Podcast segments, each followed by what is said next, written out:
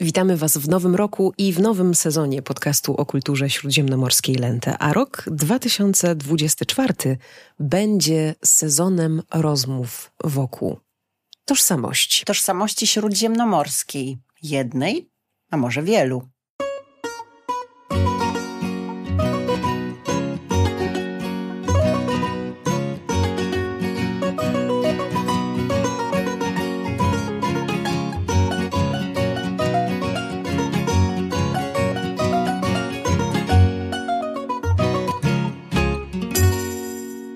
Certo che esiste un'identità mediterranea. Sì, ma è una costruzione del tutto immaginaria.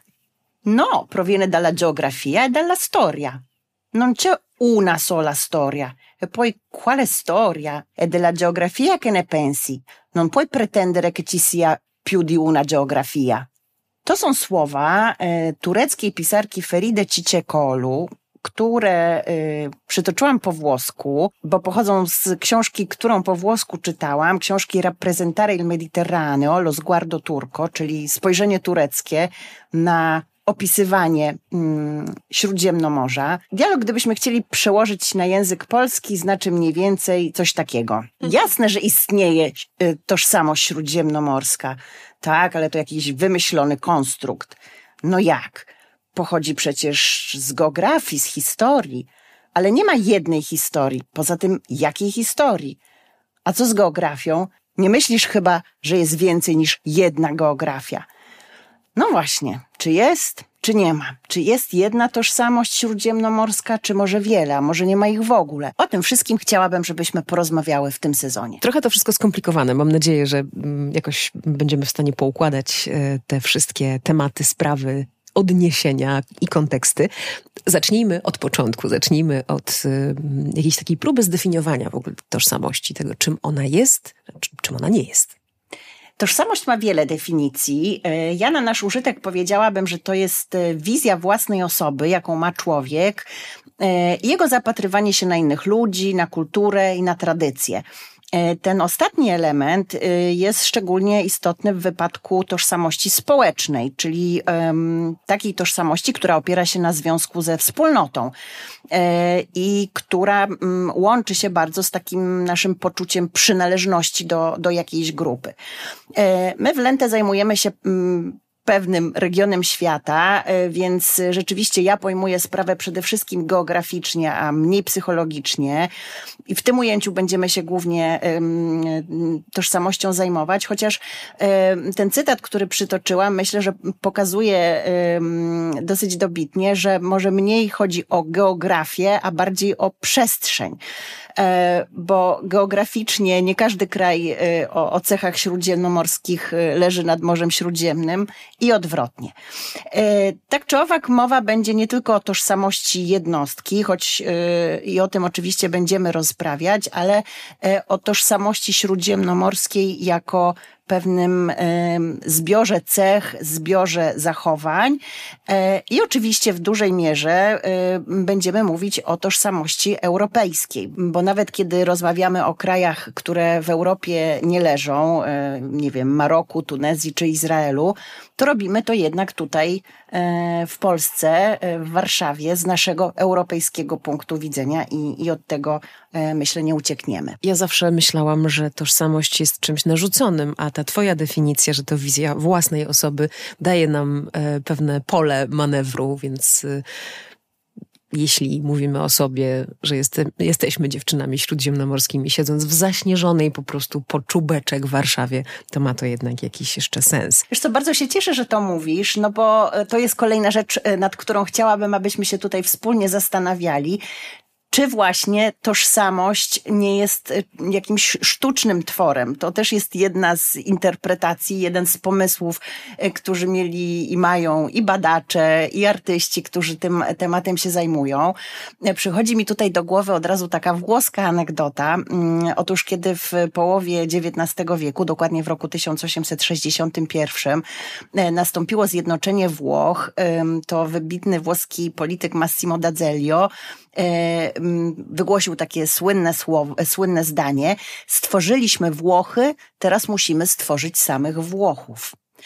No więc właśnie, może ta tożsamość narodowa, czy kontynentalna, czy regionalna jest zawsze czymś trochę sztucznym. I ja myślę, że poniekąd na pewno tak, bo każda jednostka jest inna i w ramach jednego zbioru mamy setki, tysiące osobistych historii, odmian tej ogólnej historii y, przyjętej dla wszystkich. Naleciałości, wpływów. My się przecież mieszamy, migrujemy, rodzimy się w rodzinach, które mm, czasem łączą dużo różnych skrajności, jeśli chodzi o kultury. No dobrze, a tożsamość europejska?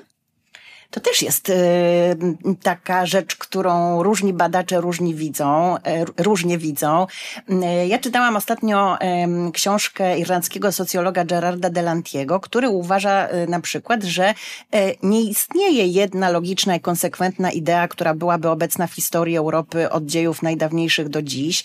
I on kwestionuje nawet słuszność słynnych słów Eliota, który pisał, że e, dziedzictwem wszystkich Europejczyków jest religia chrześcijańska i języki klasyczne i, i są takim naszym wspólnym pniem. E, Delanti się wcale z tym do końca e, nie zgadza. Z drugiej strony mówi, że Europa, w tym oczywiście Europa śródziemnomorska, jest historycznie wytworzoną rzeczywistością, która się nieustannie zmienia, która ma zmienną dynamikę. I y, o ile y, świadomą y, tożsamością polityczną stała się późno, to od dawna była ideą kulturową. No więc znowu gdzieś tutaj lawiruje między tymi dwoma wizjami. U podstaw Lente myślę, że leży takie przekonanie, że Śródziemnomorze jest, jeśli chodzi o tożsamość, kolebką naszej cywilizacji. Oczywiście jest to taka piękna wizja, która, y, która jest wizją, która jest y, jakąś y, mm, tezą, którą przyjęliśmy sobie tutaj w naszym magazynie i w naszym podcaście. Jest to na pewno oś mojej osobistej historii, mojej tożsamości ale może rzeczywiście stanowiąca pewne uproszczenie, jeśli chodzi o, o cały nasz kontynent próbując dojść do brzegu e, w odpowiedzi na to Twoje pytanie, myślę, że, że warto, żebyśmy podkreśliły, że rozmawiając o tożsamości, e, nie będziemy mm, dawać tutaj e, żadnych aksjomatycznych odpowiedzi, nie będziemy nic narzucać. Chciałabym po prostu wszystkich słuchaczy, wszystkich czytelników Lentę zaprosić do refleksji nad tym, czym jest tożsamość. W pierwszym odcinku nowego sezonu mm, zapowiadamy hasło tożsamość e, i trochę robimy taki wstęp, omawiając różne tej tożsamości e, aspekty. To to teraz tożsamość historycznie, czyli wspomnijmy przede wszystkim Greków i Rzymian. O Grekach e, niebawem opowie nam pięknie e, Marek Węcowski, e, wybitny historyk, z którym nagrałyśmy już niedawno podcast, który za chwilę będzie emitowany. Będziecie mogli sami posłuchać, jak specjalista zapatruje się na kwestie tożsamości starożytnych Greków. Ja na pewno dzisiaj mogę powiedzieć, że kluczem do tożsamości Greków było ich nieustanne kwestionowanie siebie. Łatwo to skojarzyć z Sokratesem obywatelskim wiem, że nic nie wiem, z tym drążeniem, dociekaniem, stawianiem pytań. To myślę była e, podstawa e, greckiej tożsamości. E, z Rzymianami sprawa jest trochę trudniejsza, bo oni z jednej strony byli kulturowo spadkobiercami Greków. Mówimy przecież za Horacym, że podbita Grecja podbiła greckiego najeźdźcę, ale z drugiej strony Rzymianie swoją potęgę zbudowali na tak zwanym mos majorum, czyli na obyczaju przodków, który, który był niepodważalną wartością. E, I e, wszystko, co robili, e, robili w oparciu o takie przekonanie, że, że już wszystko wiedzą, że są potęgą, że są panami świata. Ta potęga nie powinna być kwestionowana, bo przecież mamy mit Rzymu, centrum świata. No, czyli kwestionowania tutaj raczej nie było, ale z trzeciej strony e, późni Rzymianie to przecież znowu Grecy, tak? Mamy e, Bizancjum. E, no i tutaj pojawia się też taka uwaga, którą chyba warto poczynić, że mm, cywilizacja i kultura Zachodu um, początki swoje zawdzięcza Orientowi, bo świat antyczny, począwszy od Greków, ale jeszcze na początku mieliśmy chociażby starożytny Egipt, potem właśnie Bizancjum, ten świat antyczny to jest świat orientalny, a nie zachodni, więc to już myślę e, jakoś kwestionuje właśnie nasze, nasze spojrzenie na tożsamość europejską, tożsamość Zachodu, bo ona wyszła z Orientu, tak? E, wspomniany już e, Delanti e, pisze na przykład o Grekach, że oni e, w ogóle byli bardziej świadomi podziału świata według osi północ-południe niż wschód-zachód. No, podzielili świat na ciepło, zimno, światło, ciemność. E, I tak sobie myślę, że to jest też trochę to, co my robimy w Lentę, e, prawda? My właśnie e, szukamy światła, szukamy ciepła, i ten podział północ-południe jest chyba u nas bardziej wyraźny. No tym bardziej, że działamy z takim założeniem, że chcemy tego światła i ciepła wszędzie poszukać. Tożsamość prowadzi nas do przeróżnych nazw. To będą nazwy krajów, to będą nazwy narodowości, ich mieszkańców, y, czasem zresztą bardzo różnorodne, więc y, porozmawiajmy trochę o tej etymologii w tym kontekście. No wiesz, etymologia to jest moja pasja i tu w ogóle są jakieś niesamowite rzeczy, nad którymi można długo dumać i naprawdę refleksji co moc y, znaleźć. E, bardzo chciałabym zresztą, żeby w tym roku e, na stronie Lente pojawił się, ja go przygotuję, taki dłuższy materiał o e, właśnie nazwach, o toponimach o, o ich etymologii. Myślę, że dzisiaj warto, żebyśmy sobie powiedziały, że nazwa Europy E, która, którą widzimy, prawda, jako taki pełen światła kontynent, e, pochodzi od słów oznaczających wieczór i zachód słońca. To widać chociażby e, dzisiaj w języku hebrajskim, gdzie wieczór to jest Eref, tak? Eref, Europa, gdzieś tutaj myślę, że możemy usłyszeć podobieństwo. Europa dla Greków to było królestwo ciemności, to był, no, to był zachód, czyli to miejsce, gdzie słońce zachodzi, to miejsce, gdzie pojawia się mrok. To po nim nazwy geograficzne to jest, to jest ważna część tożsamości, bo stanowią e, pewien punkt e, odniesienia, ale zupełnie inaczej brzmią też czasem w różnych językach, co pokazuje nam właśnie różną perspektywę, prawda? Na, nasza tożsamość i nasza historia, którą sobie o sobie opowiadamy, może zupełnie inaczej wyglądać e, z punktu widzenia sąsiada. Weźmy sobie na przykład Włochy, nasze ukochane, taki po prostu kraj śródziemnomorski, perantonomazja, jak to Włosi mówią. Słowo Italia nie do końca wiadomo skąd pochodzi. Jest kilka teorii na ten temat. Najprawdopodobniej pochodzi od rzeczownika vitellus, czyli cielak. E, no i tutaj są różne, różne pomysły, być może dlatego, że to była ziemia, e, gdzie właśnie tych e, cieląt dużo się pasło i, i one były przez przybyszów zauważane. Może ktoś zwrócił uwagę, że te cielęta poświęcano bogom i składano w ofierze. E, ale jest też zupełnie inna teoria, e, wedle której słowo Italia pochodzi od greckiego e, aitaleia, co znaczy mm, gorący, wrzący, mm, dymiący, parujący. I to mogło się odnosić do, do faktu, że jest to ziemia, gdzie jest dużo wulkanów po prostu, prawda? Mamy Etnę, mamy Wezuwiusz, mamy Wyspy Olskie, więc może akurat to się rzuciło w, w, oczy przybyszom. No więc przedziwnie, prawda? Mamy od cielaka po, po etnę i po wulkany. No a potem mamy nagle nasze Włochy, które już w ogóle podobne do tego nie są. E, nazwa Włochy pochodzi od określenia celtyckiego plemienia Wolków czy Wolsków, e, jednego z plemion, które zamieszkiwały tereny dzisiejszej e, Italii. Polacy zapożyczyli tę nazwę od zachodnich naszych sąsiadów w formie Wołch lub Wałch, co oznaczało obcy, nieznajomy. Potem najprawdopodobniej zadziałał jakiś mechanizm skojarzenia z romańskim plemieniem Wołochów, e, protoplastów dzisiejszych Rumunów. No i od Wołochów do Włochów już y, jest blisko, a co ciekawe to celtyckie plemię Wolsków czy Wolków, y, które rzeczywiście kiedyś e, Italię zamieszkiwało, oni się przemieścili na Wyspy Brytyjskie i stali się protoplastami dzisiejszych Walijczyków. Myślę, że nikt by nie skojarzył Włochów z Walijczykami, no a okazuje się, że etymologicznie jest tu e, bardzo, bardzo wyraźny związek. E, weźmy sobie Hiszpanię, jak już mówimy o tej etymologii, e, Hiszpania to jest ziemia bogata w króliki. Znowu e, nazwa pochodzenia semickiego, z języków semickich wywiedziona i znowu słyszymy to w dzisiejszym hebrajskim, e, gdzie mamy szafan, królik, szafanim, króliki. Szafanim, Hiszpania, no nie do końca to dzisiaj e, może słyszymy, ale stąd to się wzięło. A co ciekawe, dziś po hebrajsku Hiszpania to Sfarad, co dla odmiany łączy się z, z Lidią w Azji Mniejszej, więc wędrujemy gdzieś w ogóle do Turcji.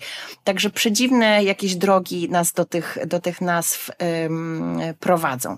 Ja myślę, że już w tej etymologii trochę widzimy właśnie, że tożsamość to są zawsze różne historie i różne punkty widzenia, różne perspektywy. To, jak my widzimy siebie, może być bardzo różne od tego, jak widzą nas inni. E, i tożsamość w ogóle kształtuje się zawsze w opozycji do czegoś. Nie, nie może się wytworzyć bez, e, bez, bez tego drugiego, tak? My nie może istnieć bez ich, nich, my nie może istnieć bez wy, e, ja nie może istnieć bez on, ona idea europejska kształtowała się y, również zawsze w, w, opozycji do czegoś, w dużej mierze w opozycji do islamu. Skoro już mówiliśmy o Hiszpanii, to, to tutaj warto o tym przypomnieć. Islam to byli ci oni. E, później w, w kolejnych wiekach tymi nimi stali się Żydzi, ale dla zachodniej Europy oni to także Słowianie, czyli, czyli my tak? E, tych ich jest więc y, dużo na przestrzeni e, wieków. O tym, jak było w Hiszpanii, pięknie pisała Aleksandra Lipczak w książce Laila znaczy noc, którą e, bardzo wam polecam. Ona pokazywała, że właśnie z jednej strony w Hiszpanii przez wieki była taka mm, wspaniała, harmonijna koegzystencja różnych grup etnicznych i właśnie islam z judaizmem i z chrześcijaństwem, to wszystko pięknie współistniało. Z drugiej strony strony wiemy, jak historia się potoczyła, były wygnania i, i było również e, wiele sporów i, i, i różnych dramatów. Więc, e, więc ta opozycja różnie się w historii przejawia i różnie, różnie kształtuje losy świata.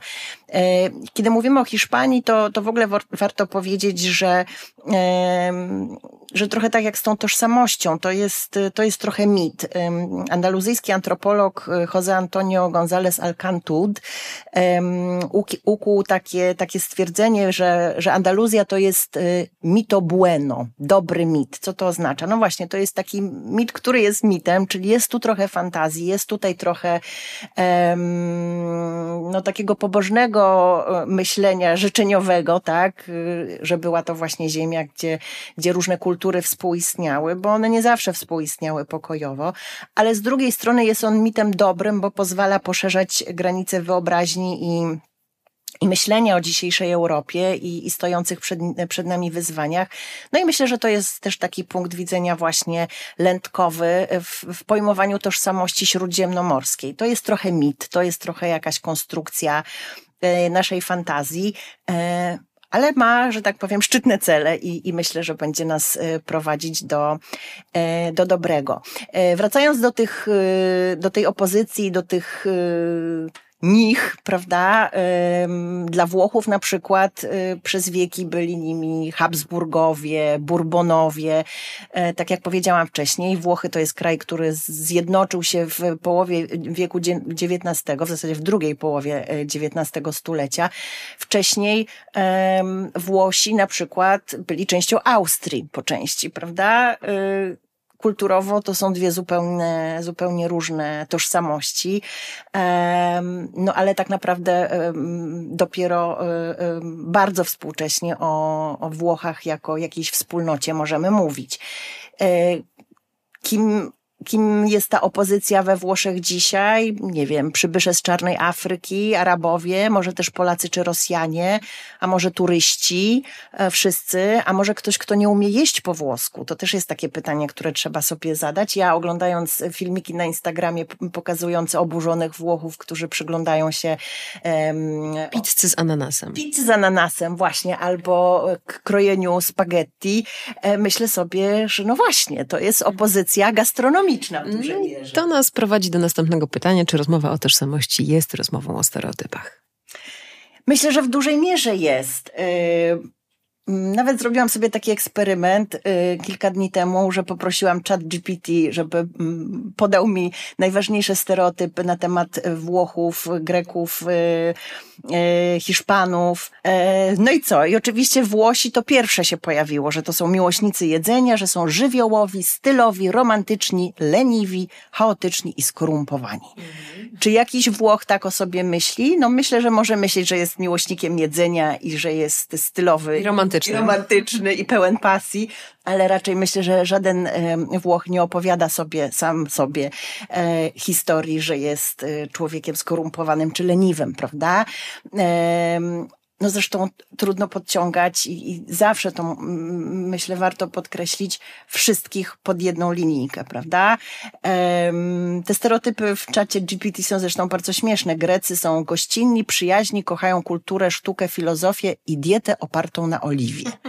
E, także znowu jakaś taka rozpiętość też e, rejestru, prawda? Od kochania sztuki i filozofii po po oliwę. E, Hiszpanie mają pasję do flamenco, siesty, kolorowej fiesty, nawet się rymuje, przywiązanie do rodziny i e, tradycji. No rzeczywiście my ich tak trochę widzimy, ale zawsze rozmawiając już z konkretnym człowiekiem, nagle się okazuje, że właśnie Hiszpan mógł nigdy w życiu nie tańczyć flamenco, Grek nie polewa każdej swojej sałatki oliwą, a Włoch może niekoniecznie zwraca wielką uwagę na, na modę i wcale nie czuje się niezwykle stylowy. E, no zresztą jak to najłatwiej sprawdzić? Najłatwiej jest to sprawdzić na sobie i zobaczyć, co o nas mówią za, za naszą miedzą. E, Polacy słyną z gościnności, z pracowitości, to wszystko według czatu GPT, e, z patriotyzmu i z zamiłowania do tradycji. No ale jak wiemy, dowcipy są również o Polakach alkoholikach. E, no i mamy świetny serial ostatnio 1670. Można sobie zobaczyć, e, jakie jeszcze inne cechy Polaków nawet nam samym rzucają się w oczy i zadać sobie pytanie, czy z każdą z nich się identyfikujemy. Mhm. Czy tożsamość y, to gdzieś tam się równa opowiadaniu historii zawsze? Myślę, że tak, no bo, bo o to chyba w tym chodzi. Ja tak w każdym razie tożsamość pojmuję jako historię, którą sobie sami jednostkowo albo zbiorowo opowiadamy na swój własny temat. E, co to oznacza? To oznacza, że jest to coś plastycznego i to jest wspaniałe. To jest coś, co może się zmieniać, co się staje, co ma różne wariacje.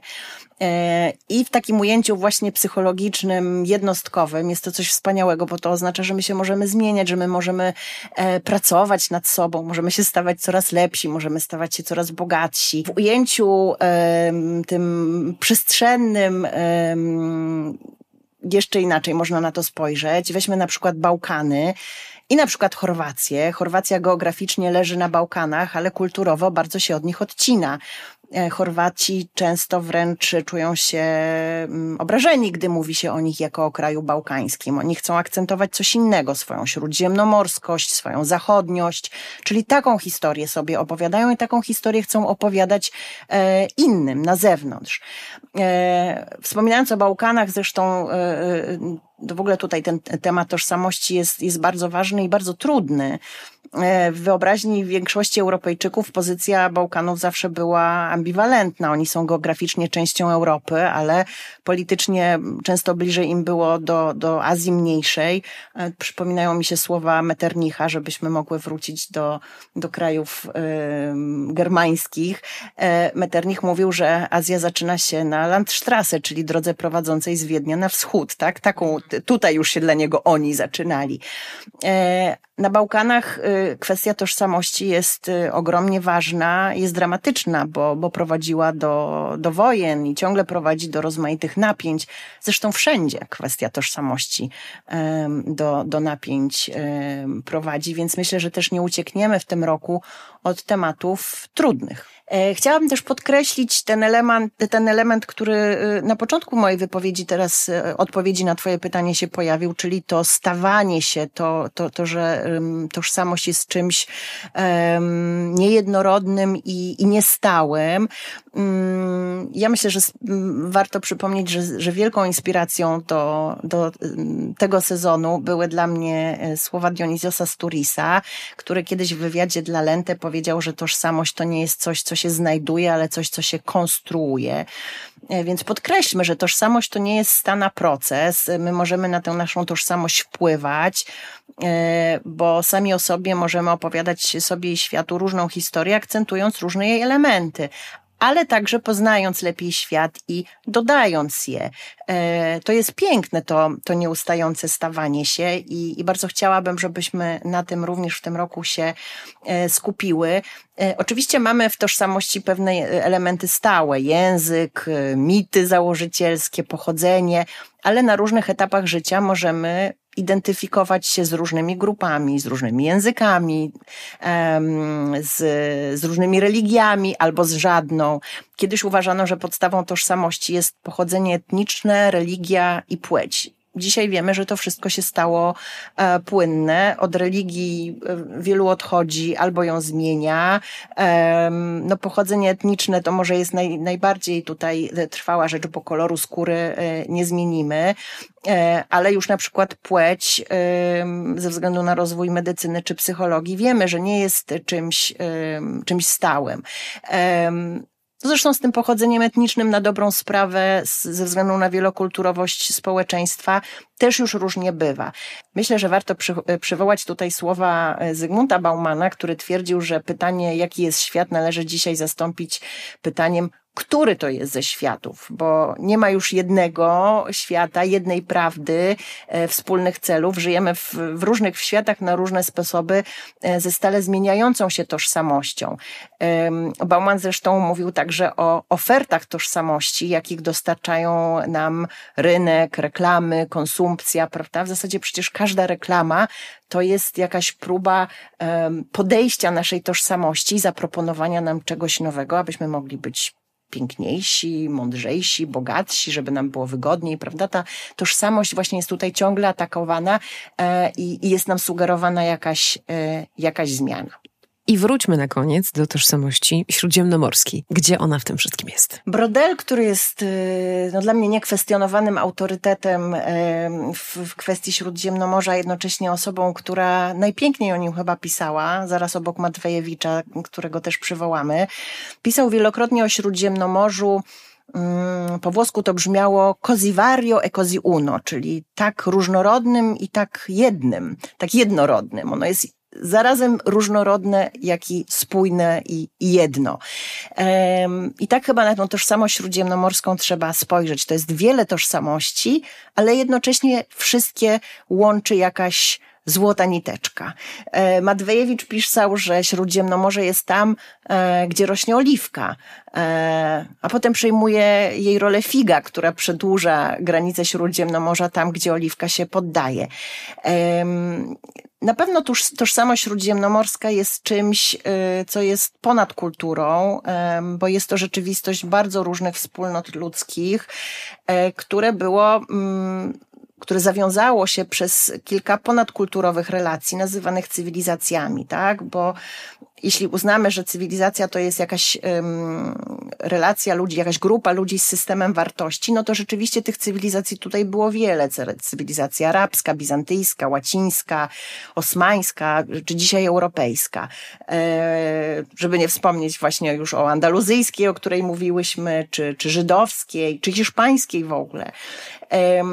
Świat ten łączyły y, i wędrówki, i wojny, i te napięcia, o których wspominałyśmy, i handel, i pielgrzymki, dzieliły spory rozmaite.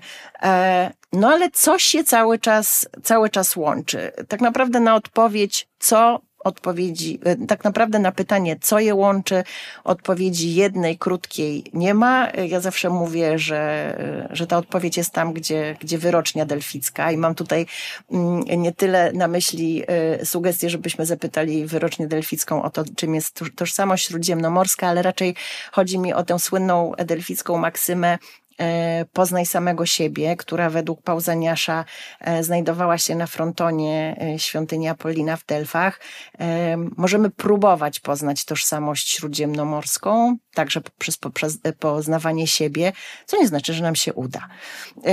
My w tym roku na pewno na Lentę porozmawiamy o mniejszościach etnicznych, o regionach autonomicznych, o małych ojczyznach. Myślę, że to jest niezwykle ważne w kwestii tożsamości mm, śródziemnomorskiej. E, Włoch często nie przedstawi się przecież jako Włoch, ale jako e, Sycylijczyk, albo jako Rzymianin, albo jako mieszkaniec w ogóle jakiejś dzielnicy, czy jakiejś małej wioski. On się z nią dużo bardziej może identyfikować niż z całym krajem.